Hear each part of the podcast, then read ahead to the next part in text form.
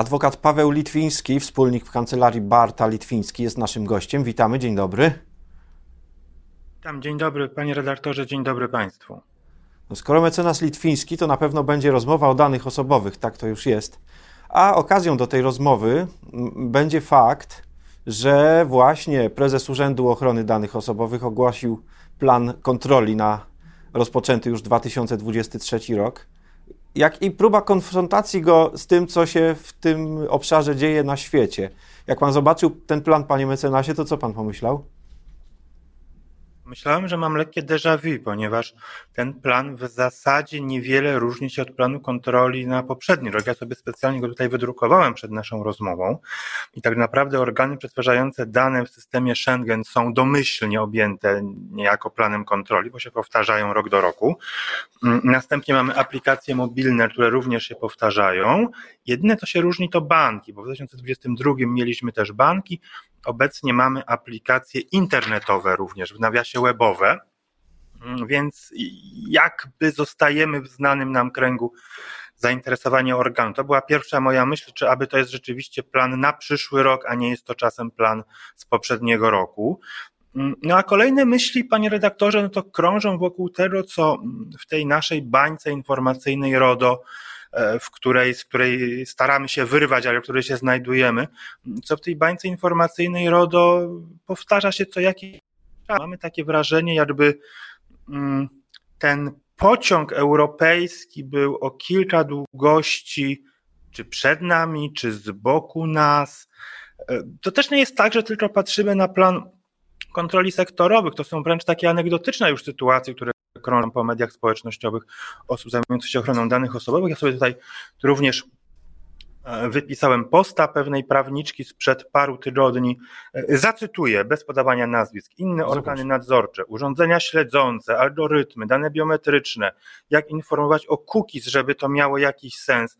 Nasz Urząd Ochrony Danych, nowy wzór świadczenia, wniosku o świadczenie ratownicze dla strażaków okręgowych, e, ochotniczych straży pożarnych mamy takie wrażenie, że zajmujemy się tu w Polsce no, niekoniecznie tym, co jest e, tym głównym motywem, mm, na którym skupiają się organy nadzorcze w Europie, w Europie Zachodniej czy w pozostałych krajach Europy.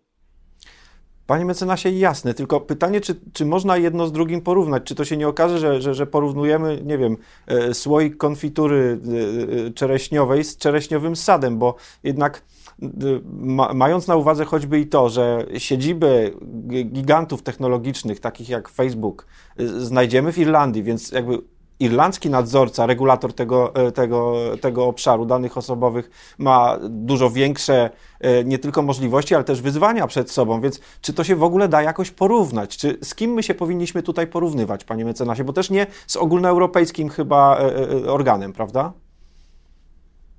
E, oczywiście, że nie, tym bardziej, że on zajmuje się swoimi sprawami takimi bardziej e, związanymi z instytucjami europejskimi. To jest jego przedmiot zainteresowania. My się powinniśmy po pierwsze porównywać z krajami typu Francja czy Niemcy, bo to jest ten potencjał ludzki, problemowy, jeżeli chodzi o generowanie, mm, generowanie skarg. No i na przykład francuski KNIL, organ nadzorczy, zajmuje się regulowaniem Google'a, na przykład wyznaczył nowy standard, jeżeli chodzi o mm, wyrażanie zgody i odmowę wyrażania zgody na pliki cookies. Niemieckie organy nadzorcze na przykład zajmują się kwestiami transferów danych do, mm, do Stanów Zjednoczonych po wyroku w sprawie e, Schrems 2. Przecież to niemieckie organy były tymi koryfeuszami, wyznaczały ten kierunek którym e, e, no, koniec końców poszliśmy, przynajmniej w części Europy, Europy Zachodniej, więc wydaje mi się, że z nimi powinniśmy się porównywać. A tymczasem mm, to w praktyce jest tak, że jeżeli polski organ dostaje na tacy pewne rzeczy, przypomnę skargę panoptykonu e, sprzed chyba półtora roku czy dwóch lat, mm, dotyczącą IAB, czyli tego, tej organizacji i tego systemu doboru profilowania reklam internetowych, polski organ postanowił ją przekazać do, do Belgii, tak? Mimo tego, że miał formalnie rzecz biorąc możliwość prowadzenia tego postępowania. No i co, będziemy się z Belgią porównywać, tak? Z belgijskim organem nadzorczym, który Znów, no tam nie ma tych siedzib wielkich, e, wielkich koncernów. To, to są takie same możliwości prowadzenia, czy były takie same możliwości prowadzenia, jak w przypadku organu organu polskiego. No to kolejnym takim, e, takim probierzem może być te słynne 101 tak? Ile było Dalmatyńczyków? 101 Dalmatyńczyków. Jeden, tak. Sam, to tyle samo było skarg Maxa Schremsa na transfery danych do, do Stanów Zjednoczonych po wyroku TSUE w sprawie Schrems 2. No, no i też mamy decyzje e, w różnych krajach i to nie tylko takich jak Francja, na przykład Holandia, na przykład Włochy, tam mamy decyzje. Polsce żadnej decyzji, mimo tego, że bodajże pięć podmiotów i pięć skarg też do Polski zostały skierowanych. Więc jakkolwiek by tego nie porównywał, ja mam pewien problem. Panie mecenasie, jak pan myśli, dlaczego tak jest? Czy to jest, czy, czy wymiar zadań i, i, i ogrom wyzwań przerasta polski urząd? Nie chce mi się uwierzyć w to. Nie, zdecydowanie nie. Europejska Rada Ochrony Danych publikuje takie przekrojowe sprawozdanie, jeżeli idzie o na przykład budżet, czy na przykład zatrudnienie i my zdecydowanie jesteśmy w czołówce. To jest absolutnie 3-4 największe organy europejskie, więc zdecydowanie to nie jest kwestia, to nie jest kwestia środków. To też nie jest kwestia moim zdaniem zasobów ludzkich, bo jeżeli popatrzeć na jakość polskich prawników głównie, no bo ta, ta, ta, ta dziedzina jest mi znana, oto począwszy od profesora Wiewiórowskiego, który przecież jest Europejskim Inspektorem Ochrony Danych Osobowych. Polka jest jedną z najważniejszych osób w Komisji Europejskiej, jeżeli idzie o o ochronę danych osobowych. My jesteśmy, my Polacy, jesteśmy członkami wszystkich grup eksperckich, jeżeli idzie o mm, ochronę danych w Unii. Sam mam przyjemność tam od jakiegoś czasu się też, też znajdować, więc zasoby są, potencjał jest. Bardzo trudno mi powiedzieć dlaczego, dlaczego właśnie tak jest, dlaczego mm, no, jesteśmy w tej trzeciej lidze, podkreślam, nie jeżeli idzie o możliwości, bo mamy je takie same jak każdy kraj inny Unii Europejskiej. Jeżeli idzie o to, co robimy, jak robimy, no to ta, ta przysłowiowy numer PESEL we wniosku o, mm, o, o dopłatę na węgiel, tak? To jest ten przedmiot, którym, którym my się tu zajmujemy, który to nasze środowisko, którym to nasze środowisko się zajmuje, a te sprawy, które skupiają Europę Zachodnią, jakby u nas są gdzieś na drugim, e, na drugim, trzecim planie. Panie mecenasie, no, jakby bezsporne pozostaje, że kwestia kwitu, e, numeru PESEL na kwicie na węgiel to, to jest coś ważnego i, i właściwie no, nie ma powodu, żeby ten numer PESEL się tam znajdował. Może to jest po prostu nasze miejsce e, w tym szeregu, może my się jeszcze nie, nie, nie przezwyciężyliśmy problemów z tej ligi właśnie, panie mecenasie. Może to jest odpowiedź na to pytanie. Ale te problemy wszyscy mają. Przecież mamy słynny przykład pewnego bawarskiego miasteczka, które po wejściu w życie, rozpoczęciu stosowania RODO zabroniło umieszczania listów do świętego Mikołaja na choince, która stała w centrum miasta, Borodo, tak? Więc każdy kraj ma, ma, ma tego typu problemy. To nie jest tak, że, że tylko my je mamy. Ja mam po prostu wrażenie, że my się zatrzymaliśmy na pewnym poziomie, na pewnym poziomie problemów. Tak jak powiedziałem, zupełnie jest to dla mnie niezrozumiałe, bo mamy siły, mamy środki, mamy zasoby ludzkie. Oczywiście nie, Polacy nie są współautorami, współautorkami oksfordzkiego komentarza do RODO, ale to jest jeszcze przed nami. To nie jest tak, że my się nie nie liczymy na tym rynku na tym rynku europejskim, bo się liczymy. Z niewiadomych powodów my tutaj w tym naszym e, polskim e, grajdołku, bo tak to wygląda, skupiamy się na rzeczach, które zupełnie nie e, może inaczej, one też interesują Europę Zachodnią. Europa Zachodnia widzi to o, o, kilka długości, o kilka długości dalej, ma tą perspektywę znacznie szerszą. No tak, i, to, i rzeczywiście możemy się zderzyć z zupełnie innym światem, który zacznie się za naszą zachodnią granicą. Ja przyznaję, że niedawno, ponieważ wkrótce przede mną spotkanie klasowe, no już okrągła rocznica po maturze, więc no, śledziłem, gdzie moi znajomi wyjeżdżali za granicę po ukończeniu e, naszego wałbrzyskiego liceum i chciałem na przykład znaleźć, gdzie e, mieści się klub muzyczny, w którym, e, w którym, e, którego współwłaścicielką jest moja koleżanka z liceum, żeby zobaczyć, gdzie to w ogóle jest w niemieckim miasteczku niedaleko Kolonii. I co się okazało, Google Maps nie pozwolił mi obejrzeć zdjęć z ulic tego miasteczka, ponieważ ono w całości jest objęte jakimś, rozumiem, zakazem. Mieszkańcy się nie zgodzili, żeby, żeby samochód Google Maps po nim przejechał. My jesteśmy chyba w zupełnie innym miejscu, bo na razie to no, wszystko możemy zobaczyć i wszędzie. Czy to jest te, ta, ten kierunek, w którym z, zmierza ochrona danych, panie mecenasie? Ochrona danych niewątpliwie ten kierunek, w którym ona zmierza, jest w tym momencie wyznaczany gdzie indziej, nie w Polsce. W Polsce te postępowania, które e, toczą się w każdym innym kraju europejskim, w Polsce albo się w ogóle nie toczą, albo toczą się z opóźnieniem, albo są przekazywane, tak jak sprawa panoptykonu, mm, do organu, do organu belgijskiego. Kierunek, e, jeżeli pytamy o kierunek, w którym to wszystko zmierza, to moim zdaniem jesteśmy gdzieś na, na rozdrożu, w punkcie zwrotnym, bo z jednej strony e, Trybunał Sprawiedliwości Unii Europejskiej bardzo mocno akcentuje prawo do ochrony prywatności, prawo do ochrony danych osobowych. Przykładem takiej sytuacji jest choćby kwestia rejestru beneficjentów rzeczywistych, czyli tego narzędzia przeciwdziałającego. Pisaliśmy o tym Rzeczpospolitej, tak jest.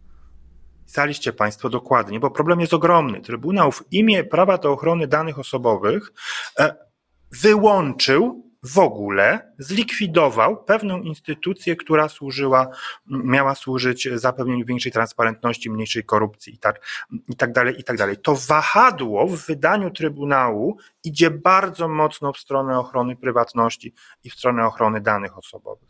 Z drugiej strony, Mamy big techy, mamy korporacje, które e, chciałyby, żeby to wahadło poszło w drugą stronę. Jesteśmy na etapie, w którym ta regulacja platform, regulacja wielkich graczy jest w punkcie zwrotnym, bo albo już zostały uchwalone, weszły w życie, albo za chwilę będą uchwalone, wejdą w życie takie przepisy, które prócz tego RODO w znacznym stopniu powinny tą sytuację zmienić. To jest ten kierunek, który jest wyznaczany przez Europę Zachodnią. My do końca nie wiemy, jak te akcenty się jeszcze rozłożą, bo ja osobiście mam wrażenie, że kierunek pod tytułem przyznanie tylko i wyłącznie znaczenia prywatności no nie ma, nie jest do końca uzasadniony. My musimy te wartości wyważać, tak? Musimy wyważać prawo do prowadzenia biznesu, mówiąc kolokwialnie z jednej strony, z prawem do ochrony danych osobowych z drugiej strony. To wyważanie idzie opornie nawet TSUE, który przykład, y, przykład rejestru beneficjentów rzeczywistych, zamiast wyważać, to po prostu przerzucił to wahadło całkowicie do oporu tylko i wyłącznie tylko i wyłącznie w jedną stronę. Ja bym bardzo chciał, żebyśmy się jako Polacy w to włączyli. Mamy bardzo fajne organizacje pozarządowe, mamy ten panoptykon, tak, który ponownie, ponownie przywołuje. Mamy ekspertów, którzy są znani obecni od wielu, wielu, wielu lat e, w instytucjach europejskich, są obecni w, i w kancelariach prawnych, i na uniwersytetach, którzy y, my tego uczymy, tak, bo ja nieskromnie powiem, też gdzieś tam się do tych osób, które się tą tematyką od lat y, zajmują, zaliczam. Chciałbym, żebyśmy jako Polska też byli też byli tymi, którzy będą ten kierunek wyznaczać. Rzeczywiście e, no, można powiedzieć, że e, mamy na najwyższych stanowiskach europejskich e, takie osoby, które są tu w kraju znane, stąd się wywodzą. Wymienił pan profesora Wiewiórowskiego. Czy jego kompetencją i jego zadaniem nie powinno być aktywizacja tych działań tutaj na krajowym rynku? Jak pan myśli? Myślę, że e, ta ochrona danych osobowych, patrząc instytucjonalnie, jest troszeczkę inaczej pomyślana. Ten europejski nadzorca, on zajmuje się, prócz oczywiście promocji tego wszystkiego, tak, no, korzystając z tych swoich... Do tej warstwy się oczywiście odwołuje. On się zajmuje głównie regulowaniem tego, co robią instytucje europejskie. Natomiast profesor Wiewiórowski jest bardzo aktywny, jeżeli chodzi o promowanie. On promuje i uczestniczy w, w, różnego rodzaju imprezach, konferencjach i w Polsce i na całym świecie. On jest twarzą niewątpliwie tej ochrony danych osobowych. Natomiast mm, znów troszkę kolokwialnie do tanga trzeba dwojga, tak? Trzeba ko chcieć korzystać z tych możliwości, które ktoś daje, prawda? Ja pamiętam, kiedy wiele, wiele lat temu, to był chyba 2012 albo 2013, dostaliśmy się we trzech koniec końców do pewnej grupy eksperckiej. To byli pierwsi Polacy chyba, którzy się do tego typu gremium dostali w Brukseli przy Komisji Europejskiej. Nas wtedy zaproszono do ówczesnego ministerstwa, mm, chyba cyfryzacji się nazywało, ktoś tam z nami się spotkał, ktoś tam nam rękę uścisnął, ktoś tam gdzieś tam coś napisał. Moim zdaniem tak to powinno w praktyce wyglądać. I nawet jeżeli to nie państwo e, coś zrobiło, nawet jeżeli zrobił to e, szeregowy prawnik z prowincjonalnego miasta Kraków, to jednak państwo powinno w jakiś sposób to, to wykorzystywać. Taka szansa, jaką mamy w tym momencie wobec e, sytuacji, w której europejskim rzecznikiem jest przecież, jest przecież Polak, taka szansa przez wiele lat nam się nie trafi, bo tak działają przecież procedury naborów Unii Unii Europejskiej. Przez wiele, wiele lat to się nie trafi. E, więc to jest ten moment. Jak nie ten moment, to żaden inny przez najbliższe lata, kiedy można tą ochronę danych osobowych promować, kiedy można z tego korzystać. Trzeba z tego korzystać. No nie można tego sprowadzać do jakichś, nie wiem, profili twitterowych czy innych innego wyskakiwania RODO z lodówki, e, przysłowiowego wyskakiwania RODO z lodówki, jak to mieliśmy swego czasu. Chociaż to też nie było złe, bo to też spowodowało, że ta ochrona danych się przebiła z jakiejś takiej niszowej bardzo działki prawa, przebiła się do pierwszych, e, na pierwsze strony gazet. No ale rzeczywiście powinniśmy w tym momencie troszkę bardziej, jako, jako państwo, tak, jako instytucje państwa, e, zacząć to promować i zacząć korzystać z tych możliwości, które w tym momencie mamy. I to jest dobry moment na postawienie kropki. Nie odpowiedzieliśmy na pytanie, kto i dlaczego e, nie przesuwa e, kwestii ochrony danych do e, wyższej ligi w naszym kraju, ale jest jeszcze czas, by to robić. Dziękuję za rozmowę. Adwokat Paweł Litwiński był naszym gościem. Dziękuję bardzo.